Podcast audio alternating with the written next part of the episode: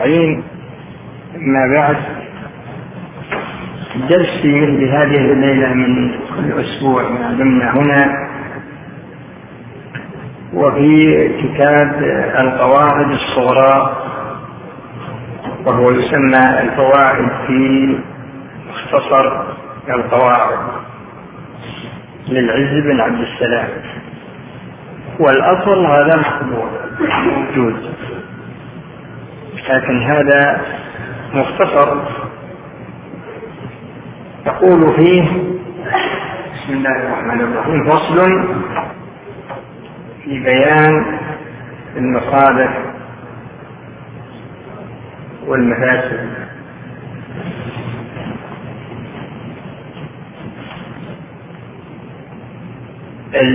القواعد التي ترجع إليها. فروع الشريعة.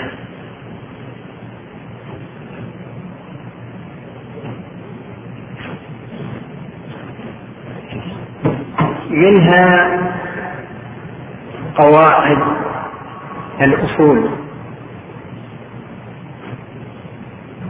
والمقصود بقواعد الأصول يعني القواعد المتكونة من الأدلة مثل الأدلة الدالة على أن الأمر المجرد عن القرائن يقتضي الوجوب أو الأمر أو النهي المجرد عن القرائن يقتضي التحريم.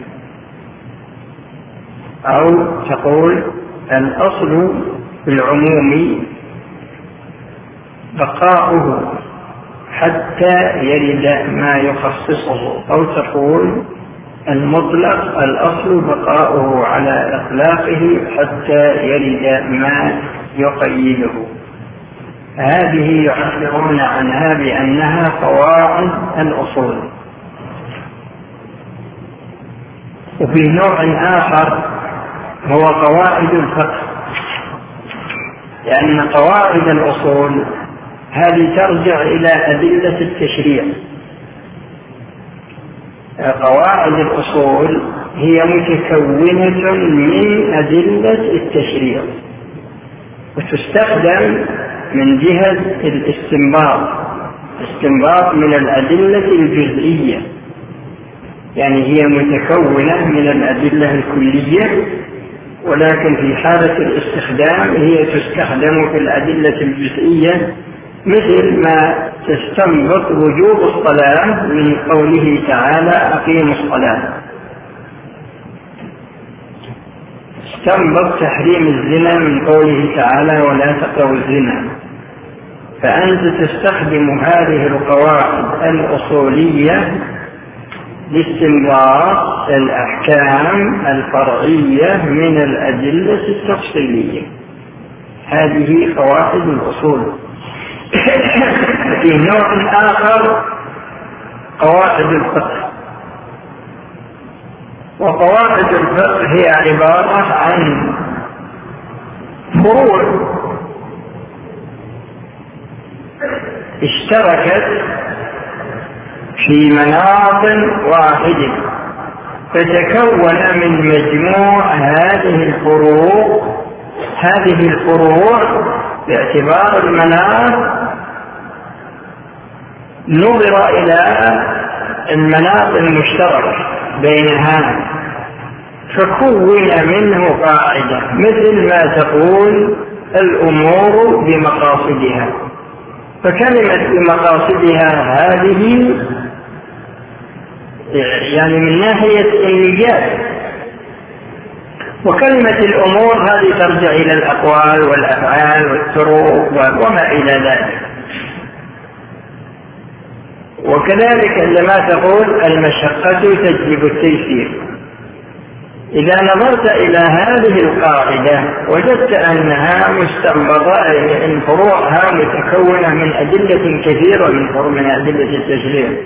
مثل لا يكلف الله نفسا إلا وسعها لا نكلف نفسا إلا وسعها لا تكلف نفس إلا وسعها. ما يريد الله ليجعل عليكم من حرج إلى غير ذلك من الأدلة. وفيه قواعد فقهية تجدون أنها آه، مستخرجة يعني منصوص عليها منصوص عليها مثلا دليل واحد استخرج منه قاعدة. مثل ولا تزر وازرة وزر أخرى. هذه كون العلماء منها قاعدة وهي أنه لا يؤخذ أحد بجريرة غيره. لا يؤخذ أحد بجريرة غيره. ومثل ما أخذ من قوله صلى الله عليه وسلم لا ضرر ولا ضرار. هذا أخذوا من قاعدة الضرر. أنا فرضي أن القواعد الفقهية قد تؤخذ القاعدة من دليل واحد وقد تؤخذ من مجموع أدلة وهذه الأدلة قد تكون مثلا تكون هي عادة من أبواب مختلفة تكون من أبواب مختلفة. فيه نوع ثالث وهو الذي قصدته. نوع ثالث من القواعد. هذا النوع هو يعتبر نوع من أنواع مقاصد الشريعة. ومقاصد الشريعة تجدون أنها من حيث الأصل منقسمة إلى قسمين. القسم الأول مقاصد الشارع. والقسم الثاني مقاصد المكلف. مقاصد المكلف هذه وضعت لها قاعدة الأمور بمقاصدها. لكن مقاصد الشارع تجدون أن مقاصد الشارع تأتي على أنواع. النوع الأول مقاصد الشارع من جهة حكمة التشريع. مقاصد الشارع من جهة حكمة التشريع. وهذا هو الذي خدمه العلماء من جهة يعني الكتب التي ألفوها منها ما يسمونه المصالح. مثل كتاب المصلحة وروابطها أو مثل كتاب المصالح المرسلة أو مثل الكتب التي ألفت في حكمة التشريع في حكمة التشريع أو الكتب التي ألفت في الإحداث. لأن العلماء السابقون وكذلك في العصر الحديث ينوعون العناوين. ينوعون العناوين. لكن إن, إن هذه العناوين كلها تدور في فلك واحد هذا الفلك هو جلب المصالح ودرء المفاسد. جلب المصالح ودرء المفاسد. هذا نوع من مقاصد الشارع. فيه نوع آخر من مقاصد الشارع وهو مقصده من يدخله ومن لا يدخل في أدلة التشريع. من يدخل ومن لا يدخل. مثل الآن المجنون ومثل الآن الصبي الصغير. هذا ما يدخل في أدلة التشريع من جهة التكليف. ولكنه يدخل في أدلة التشريع من وجه واحد من وجه آخر وهو من جهة خطاب الوضع. لأن المجنون إذا أتلف فلا بد من الضمان والصغير إذا أتلف فلا بد من الضمان. فلا يعفى عن الضمان بالنظر إلى صغره ولا يعفى عن الضمان إذا كان إذا كان إذا مثلا إذا كان مجنونا. وهكذا بالنظر للنائم النائم مرفوع عنه القلم حتى يستيقظ. لكن لو أتلف شيئا في حال نومه فإنه يكون ضامنا وهكذا. ومن مقاصد الشارع ما يدخل وكلمة ما يدخل يعني الفروع الشرعية لأن عندنا مثلا تكليف ما لا يطاق. تكليف ما لا يطاق هذا تجدون إنه ما يدخل في أدلة التشريع. تكليف ما لا يطاق هذا ما دخل في أدلة التشريع لا من جهة الشارع ولا من جهة المكلف لو أنه مثلا نذر أن يفعل شيئا. لا يعني لا يطاق. ومن مقاصد الشارع أيضا من مقاصد الشارع الوسائل التي تستخدم لفهم حكمة التشريع من جهة ومن يدخل في أدلة التشريع من جهة وما يدخل في أدلة التشريع من جهة أخرى. فتبين أن مقاصد الشارع أربعة. المقصد الأول يدور في جلب المصالح ودرء المفاسد. وهذا الكتاب الذي ستسمعون تسمعونه وتسمعون الكلام عليه هو يعتبر من الكتب التي في هذا الموضوع. والثاني مقاصد الشارع من جهة من يدخل في أدلة التشريع تكليفا وكذلك من جهة خطاب الوضع من يدخل ومتى يدخل. ومقاصد الشارع من جهة ما يدخله وهو عبارة عن الفروع التي تستنبط من الأدلة التفصيلية. والوسائل المستخدمة لمعرفة هذه الأمور الثلاثة.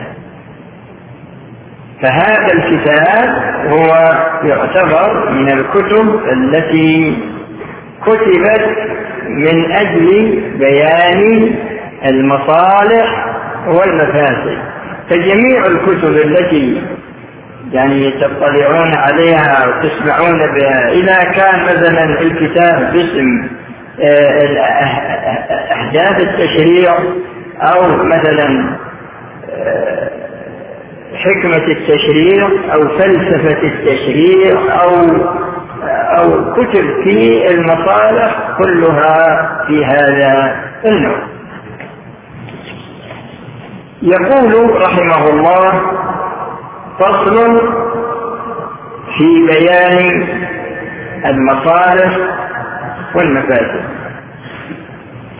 عندما تريد أنت كفرد من الأفراد عندما تريد أنك تعرف المصالح والمفاسد وأنت تقرأ القرآن أو تقرأ السنة فيه طريقان. للمصالح. طريقان لمعرفة المصالح. وطريقان لمعرفة المفاسد. فيه طريقان لمعرفة المصالح وطريقان لمعرفة المفاسد. عندما تجد أن الله أمر. والمقصود هنا أمر التشريع. لأن مثل قوله تعالى قل كونوا حجارة أو حديدا كونوا قردة خاسئين وما إلى ذلك. مقصود الأوامر التي جاءت في القرآن والأوامر التي جاءت في السنة لا تجد أمرا منها إلا وهو مشتمل على مصلحة. يعني لا يمكن أن يأمر الله بمفسدة إطلاقا. فجميع الأوامر التشريعية الموجودة في القرآن والموجودة في السنة عندما تقرأ الأمر تعلم أن المأمور به ينتج مصلحة. ينتج مصلحة. يعني أنه وسيلة إلى المصلحة. هذا طريق. الطريق الثاني عندما تجد أن الله نهى عن أمر من الأمور في القرآن أو نهى الرسول صلى الله عليه وسلم عنه بالسنة. تجد أن ترك هذا المنهي عنه مصلحة. فترك الزنا مصلحة. وترك الربا مصلحة. وهكذا في جميع مواقع النهي. فتبين لنا أن المصالح تؤخذ من فعل المأمور به ومن ثاني ما هو؟ ها؟ ها؟ ومن ترك المنهي عنه الطريقان اللذان يدلانك على معرفة المفسدة عكس هذين الطريقين. الله سبحانه وتعالى إذا نهى فلا ينهى عن شيء إلا وهو مشتمل على مفسدة راجحة أو مفسدة محضة. ولا يستثني ولا يستثنى من هذا الأمر إلا بطريق شرعي فإذا فعل المنهي عنه ينتج ماذا؟ ينتج مفسدة ترك المأمور به ترك المأمور به بدون عذر شرعي. ترك المأمور به بدون عذر شرعي ينتج ماذا؟ ينتج مفسدة. ولا تجد طريقا ثابتا لا بالنظر إلى معرفة المصالح ولا بالنظر إلى معرفة المفاسد. فالمصالح لها طريقان فعل المأمور به وترك المنهي عنه.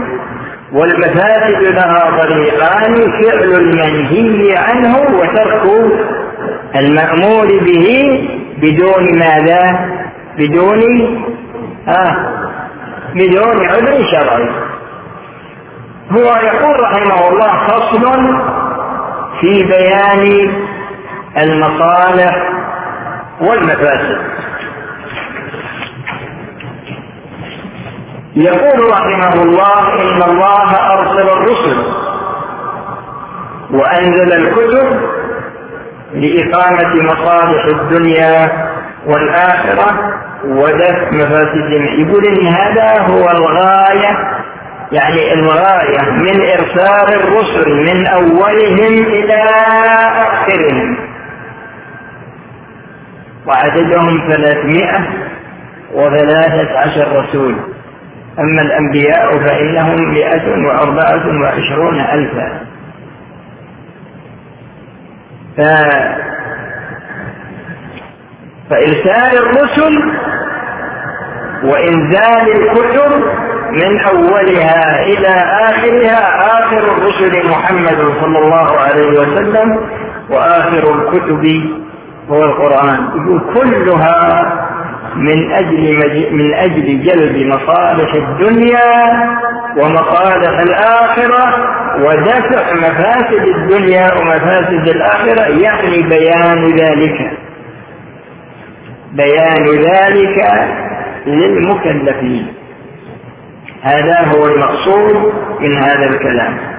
بعد ذلك يقول رحمه الله يريد أن يعرف ما هي المصلحة.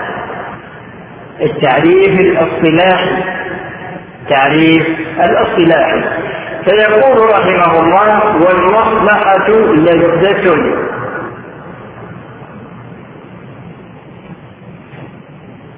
والمصلحة لذة. أو سببها. أو فرحة أو سببها. عندما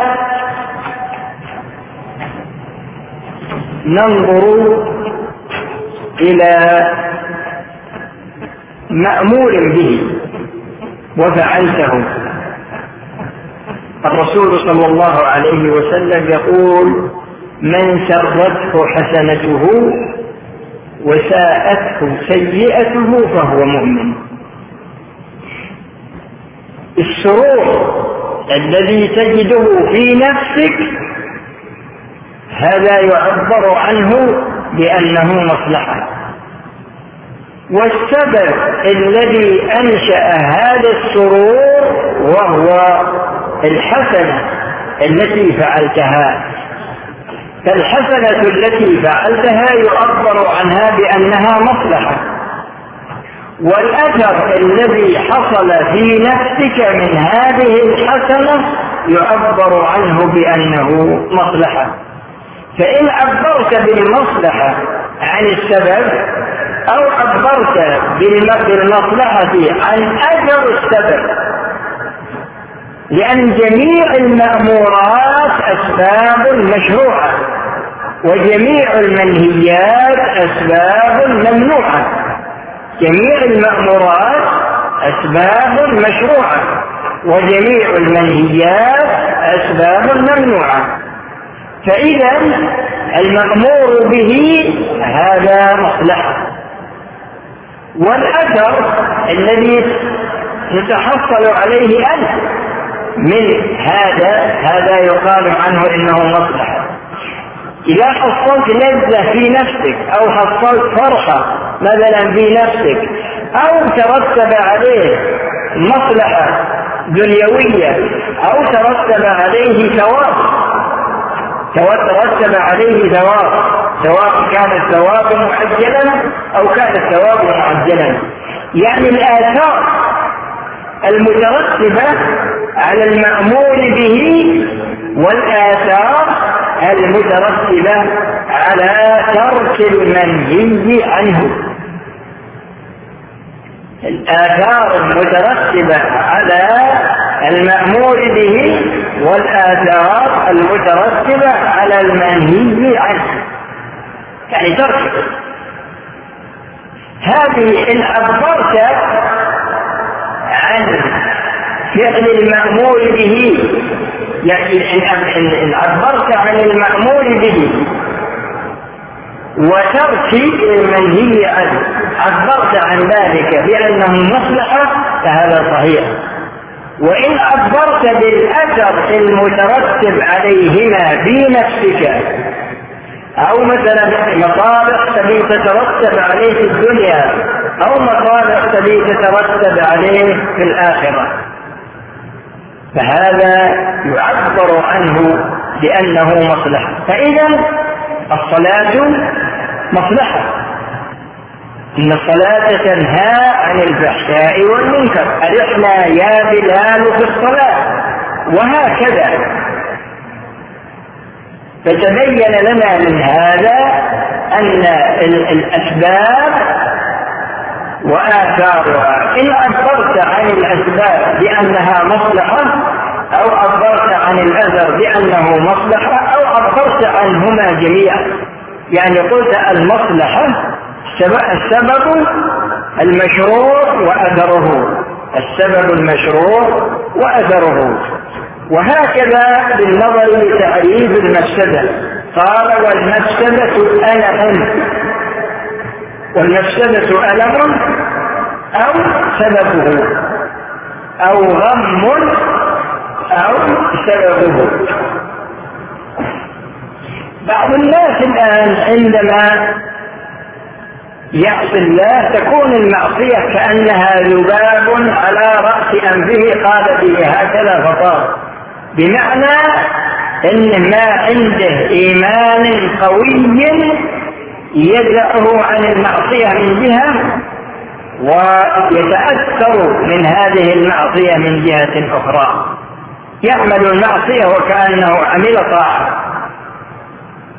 يعمل المعصية وكأنها طاعة. لكن الإنسان إذا كان قوي الإيمان وحصل عنده تقصير في أمر في يعني بترك واجب أو فعل محرم صار هذا أمامه طول حياته. كلما ذكره ضاق صدره. كلما ذكر ضاق صدره. فإذا ننظر مثلا إلى الزنا. ننظر إليه في حد ذاته مفسدة وننظر إلى أثره. ننظر إلى أثره فأثره لا شك أنه مفسدة أثره من الناحية النفسية إذا كان الإنسان لأن الحديث لا يزني الزاني حين يزني وهو مؤمن. يعني يرتفع عنه الإيمان مثل الظلة.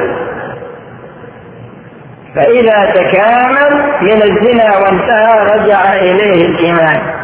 ولهذا تأتيه النفس الأمارة بالسوء وتأتيه النفس اللوامة. النفس الأمارة بالسوء قبل الفعل. والنفس اللوامة هذه بعد الفعل.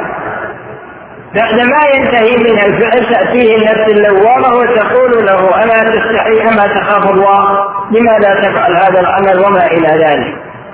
أنا غرضي إن المفاسد تجدونها في ترك المأمور به أو فعل المنهي عنه بدون حجر شرعي. وهكذا الأثر المترتب على ترك المأمور به بدون سبب بدون عذر أو فعل المنهي عنه بدون عذر. هذا هو المقصود من كلامه رحمه الله. يقول رحمه الله ولم يفرق الشرع بين جرحها وجلدها وقليلهما وكثيرهما يقول إن المعاصي مثلا لها درجات. لها درجات. هي في نظرية هي في الشريعة أحب أنبهكم عليها علشان يستفيد إن شاء الله.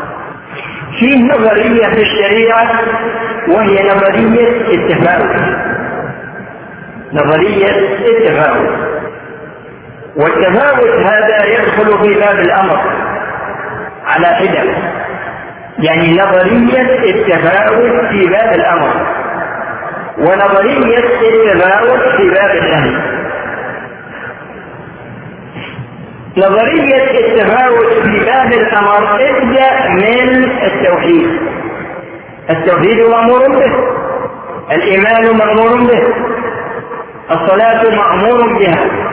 صلاة النافلة مأمور بها سجدة الشكر مأمور بها التسبيح التهليل التكبير ذكر الله كل هذه مأمور بها لكن هل هي في درجة واحدة أو متفاوتة؟ آه. هل هي في درجة واحدة أو متفاوتة؟ هي هي متفاوتة وهكذا نفس الشيء في النهي. عندك الشرك الأكبر. الشرك الأكبر هذا أعلى درجة في النهي. انزل من الشرك الأكبر إلى أنك تعتدي على شخص بيدك تضربه بغير حق. فهذه نظرية التفاوت يعني تبدأ من الأعلى حتى تصل إلى الأدنى إلى الصغائر. مثلا في في في الشرك في المنهيات وكذلك في ترك المأمورات. يعني المعاصي عموما تبدأ من الأعلى إلى الأدنى. مثل ما قال الرسول صلى الله عليه وسلم الإيمان بضع وسبعون شعبة. أعلاها قول لا إله إلا الله وأدناها ها إماطة الأذى عن الطريق. فهو رحمه الله يقول إن ما في فرق في الشريعة بين مراتب المأمور به. كلها قال عنها مصالح وكذلك ما في فرق بين مراتب المنهي عنه. هذا من جهة سلم التنازلي تبدأ من الأعلى إلى الأسفل. أو التصاعد تبدأ من الأسفل إلى الأعلى. هذا من جانب. ومن جانب آخر من ناحية الكثرة والقلة. لأن فيه الكم هذا بالترتيب. وفيه القلة والكثرة هذا من جهة الكم. فهو يقول لا فرق في هذا الباب بين الكم والكيف في باب المعاصي وفي باب الطاعات ثم قال رحمه الله يريد أن يمثل قال كحبة خردل وشق تمرة وزنة فرة يعني حبة من حب البر ومثقال ذرة ولهذا قال الله تعالى إن الله لا يظلم مثقال ذرة.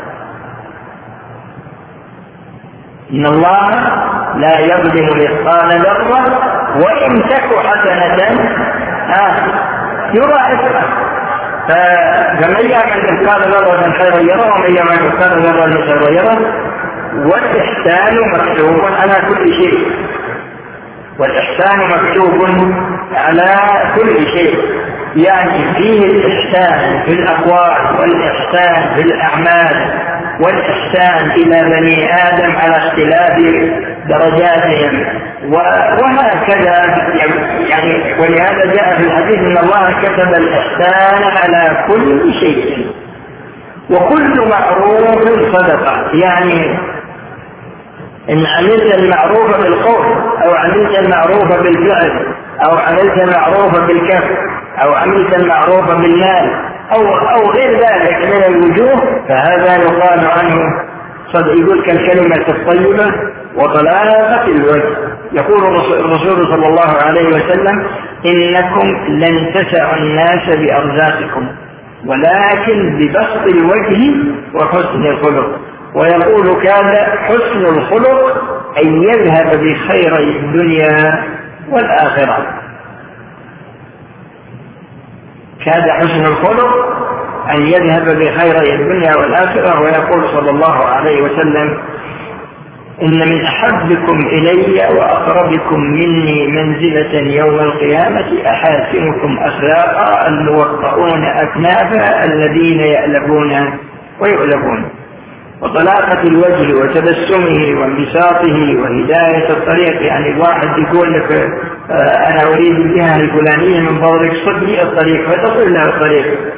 وقد حث الرب تبارك وتعالى على تحصيل مصالح الآخرة.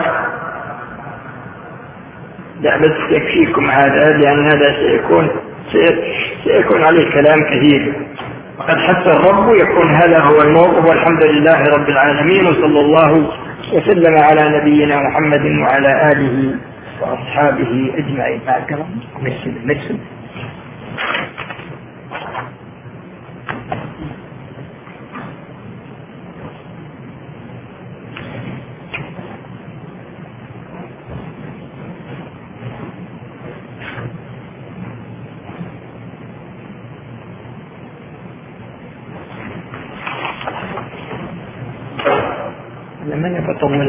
نشطرهم شوي ما ودي عليه.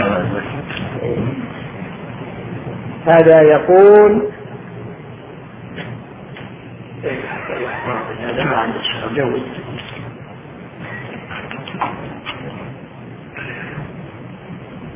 وهذا يكون الطريقة الشرعية لتبليغ العلم أول أن الواحد يتعلم وإذا تعلم يعمل بالعلم وإذا عمل بها يعلم. الرسول صلى الله عليه وسلم يقول بلغوا عني ولو آية. وهذا يقول ما حكم بيع الشعير بالدين؟ إذا كان عندك مثلا أكياس الشعير وتبي تبيعها إلى أجل ما في معنى. ويقول هل الزواج من أبواب الرزق؟ الله يقول وأنكحوا الأيام منكم والصالحين من عبادكم وإمائكم يقولوا قراءة يغنيهم الله من فضله. لأن كل واحد رزقه مكتوب. إلا محفوظ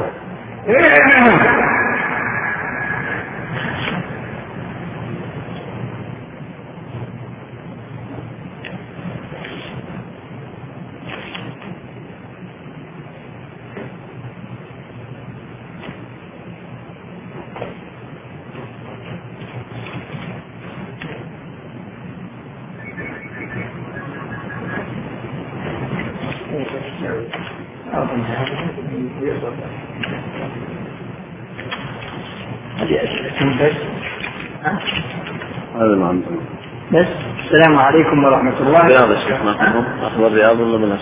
ها؟ الرياض. ما كيف؟ اللي ما أسئلة بس أخاف مثل هذه الله الرياض مع السلامة مع الخطأ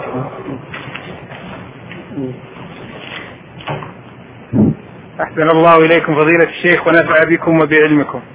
هذا سائل يقول إذا دخل المسافر مسجدا وهو مسبوق ولا يعرف هل الإمام مقيم أو مسافر. ماذا ينوي الإتمام أو القصر؟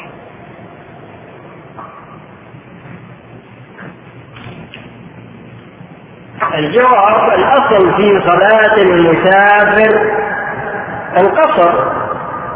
والأصل أنه لا يدخل في صلاة إلا بعد النية. ينوي الصلاة ويدخل مع الإمام. لا بد أن يتأكد الإمام ماذا يصلي هذا من جهة. من جهة أخرى المسافر إذا اقتدى بمقيم فإنه يصلي صلاة مقيم ولا يصلي صلاة مسافر. لأن بعض الناس ولا تسألني عن واحد يعني اختصار هو يجمع ويكسر وجد الإمام يصلي الظهر صلى معه الركعتين الأوليين بنية الظهر سلم ما يقوم ويدخل معه الركعتين الأخيرتين وينويها العصر. وهذا ما يجوز. يعني كان الواجب عليه أن يصلي ظهرا. نعم. أحسن, أحسن الله إليكم فضيلة الشيخ. هذا سائل يقول هل يجوز تكرار قراءة السورة في الصلاة الواحدة؟ الجواب إن, إن أعاد السورة أو قرأ سورة أخرى هذا ليس فيه شيء لكن لو قرأ سورة أخرى يكون أفضل. أما بالنسبة لماذا هذا ما له تأثير من ناحية من ناحية الصلاة. فيه بعض الصحابة شكوا إمامهم إلى الرسول صلى الله عليه وسلم. لأنه كان في الصلاة الجهرية يقرأ قل هو الله أحد بعد الفاتحة ويقرأ معها سورة فإذا هو يكرر قل هو الله أحد في الركعتين. في الصلاة الجهرية دائما. وشكوها إلى الرسول صلى الله عليه وسلم. تعرفون إن جماعة المسجد يشتغلون هم بالإمام ولا بالمؤذن؟ لازم يشتغلون. شيخ ذكر طول القراءة طول الركوع خفف الركوع. أبدا سبحان الله. المهم أنه لما جاء الإمام لما جاءه وسأله قال نعم صحيح.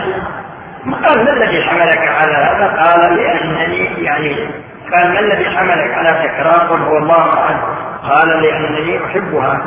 قال حبك إياها اسفلك الجنة. نعم. أحسن الله إليكم. وهذا سائل يقول هل يقطع المصلي صلاته بمجرد قدوم الإمام أو حتى يسمع الإقامة؟ علما أن قدوم الإمام يدل على أن الصلاة ستقام. وهل يكون القطع بالتسليم أو بغير التسليم؟ بعض فيكم. الشخص إذا كان في المسجد ودخل في نافلة إذا كان يتمكن من إكمالها وإدراك تكبيرة الإحرام مع الإمام. يكمل النفل ولو خفف لكن تخفيف ما يؤثر على الصلاة. يعني ما يبطلها أما إذا كانت تفوته تكبيرة الإحرام فإنه يقطع الصلاة.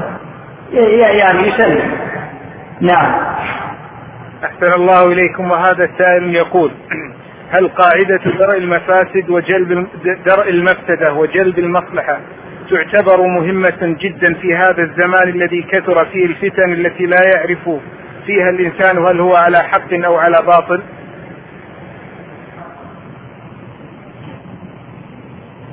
إذا كان ما يعرف حقا ولا على باطل شلون يبيع المصلحة والمفسدة ويوازن وين بينهم هذا سؤال مركب ما أدري شلون؟ هي قاعدة درس المفاسد مقدم على جلب المصالح هذه لها صورة واحدة في الشريعة فقط. لها صور واحدة من تسع صور. هذه الصورة هي إذا تساوت المصلحة والمفسدة في نظر صاحب الشأن وصاحب الشأن قد يكون الملك قد يكون وزير قد يكون قاضي قد يكون رئيس قضاء قد يكون مفتي وقد يكون وقد يكون مكلف بحسب حاله لأن المسائل تختلف وكل شخص مناظر به ما يخصه. هذا من جهة. واعلموا أن كلمة درء المفاسد مقدم على جلب المصالح في حالة التساوي هذا ليس من جهة أصل التشريع. وإنما هو من جهة التطبيق لأن لأن التشريع ما فيه. ما فيه مصلحة مساوية للمفسدة في التشريع إطلاقا لكنها في مجال التطبيق قد يشتبه على الشخص ترجيح أحد الجانبين في تساويات في ذهنه. وإذا حصل التساوي فهذه هي التي يقول عنها العلماء دور المفاسد مقدم على جلب المصالح. هل يكفي ناخذ سؤال من الحضور؟ وقفنا. طيب. نجاوب على السؤال. لا عين هذا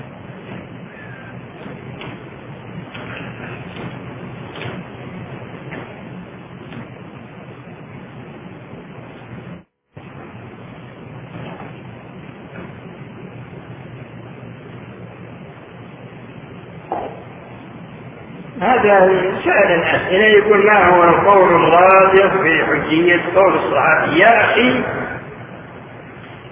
في كتاب سجله عندك اسمه إجمال الإصابة كتاب قديم إجمال الإصابة في أقوال الصحابة.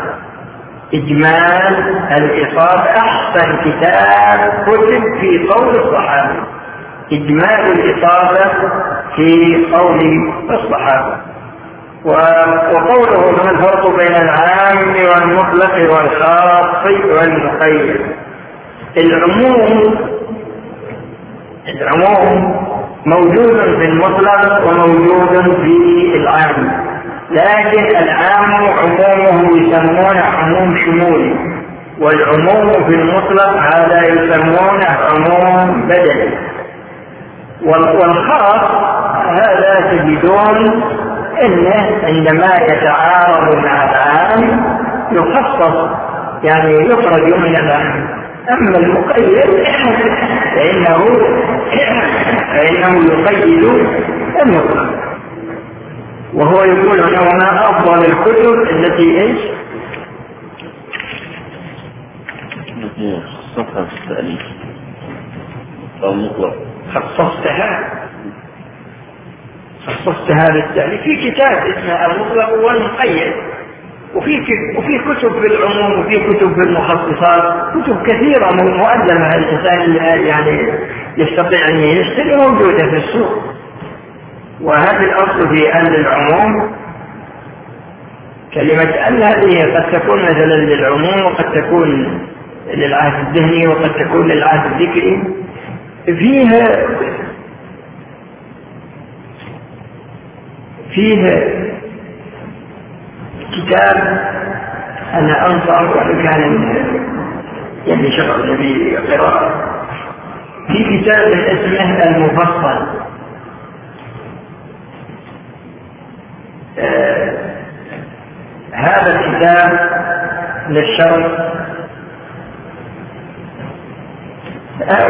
المفصل هذا هذا الكتاب تجدون إنهم قسم النحو إلى ثلاثة اقسام الصنف الأول الكلام على الأسماء عموما والثاني الكلام على الأفعال عموما والثالث الكلام على الحروف عموما. فقسمه ثلاثة اقسام ممكن طالب العلم يشتري هذا الكتاب ويقرأه على مهل والسلام عليكم ورحمة الله وبركاته. الله عليكم وعلى الشيخ كده.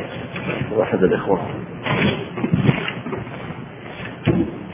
هم يسجلون يبيعون. لا لا هذا آه والله ما أدري عنهم. خمسة. على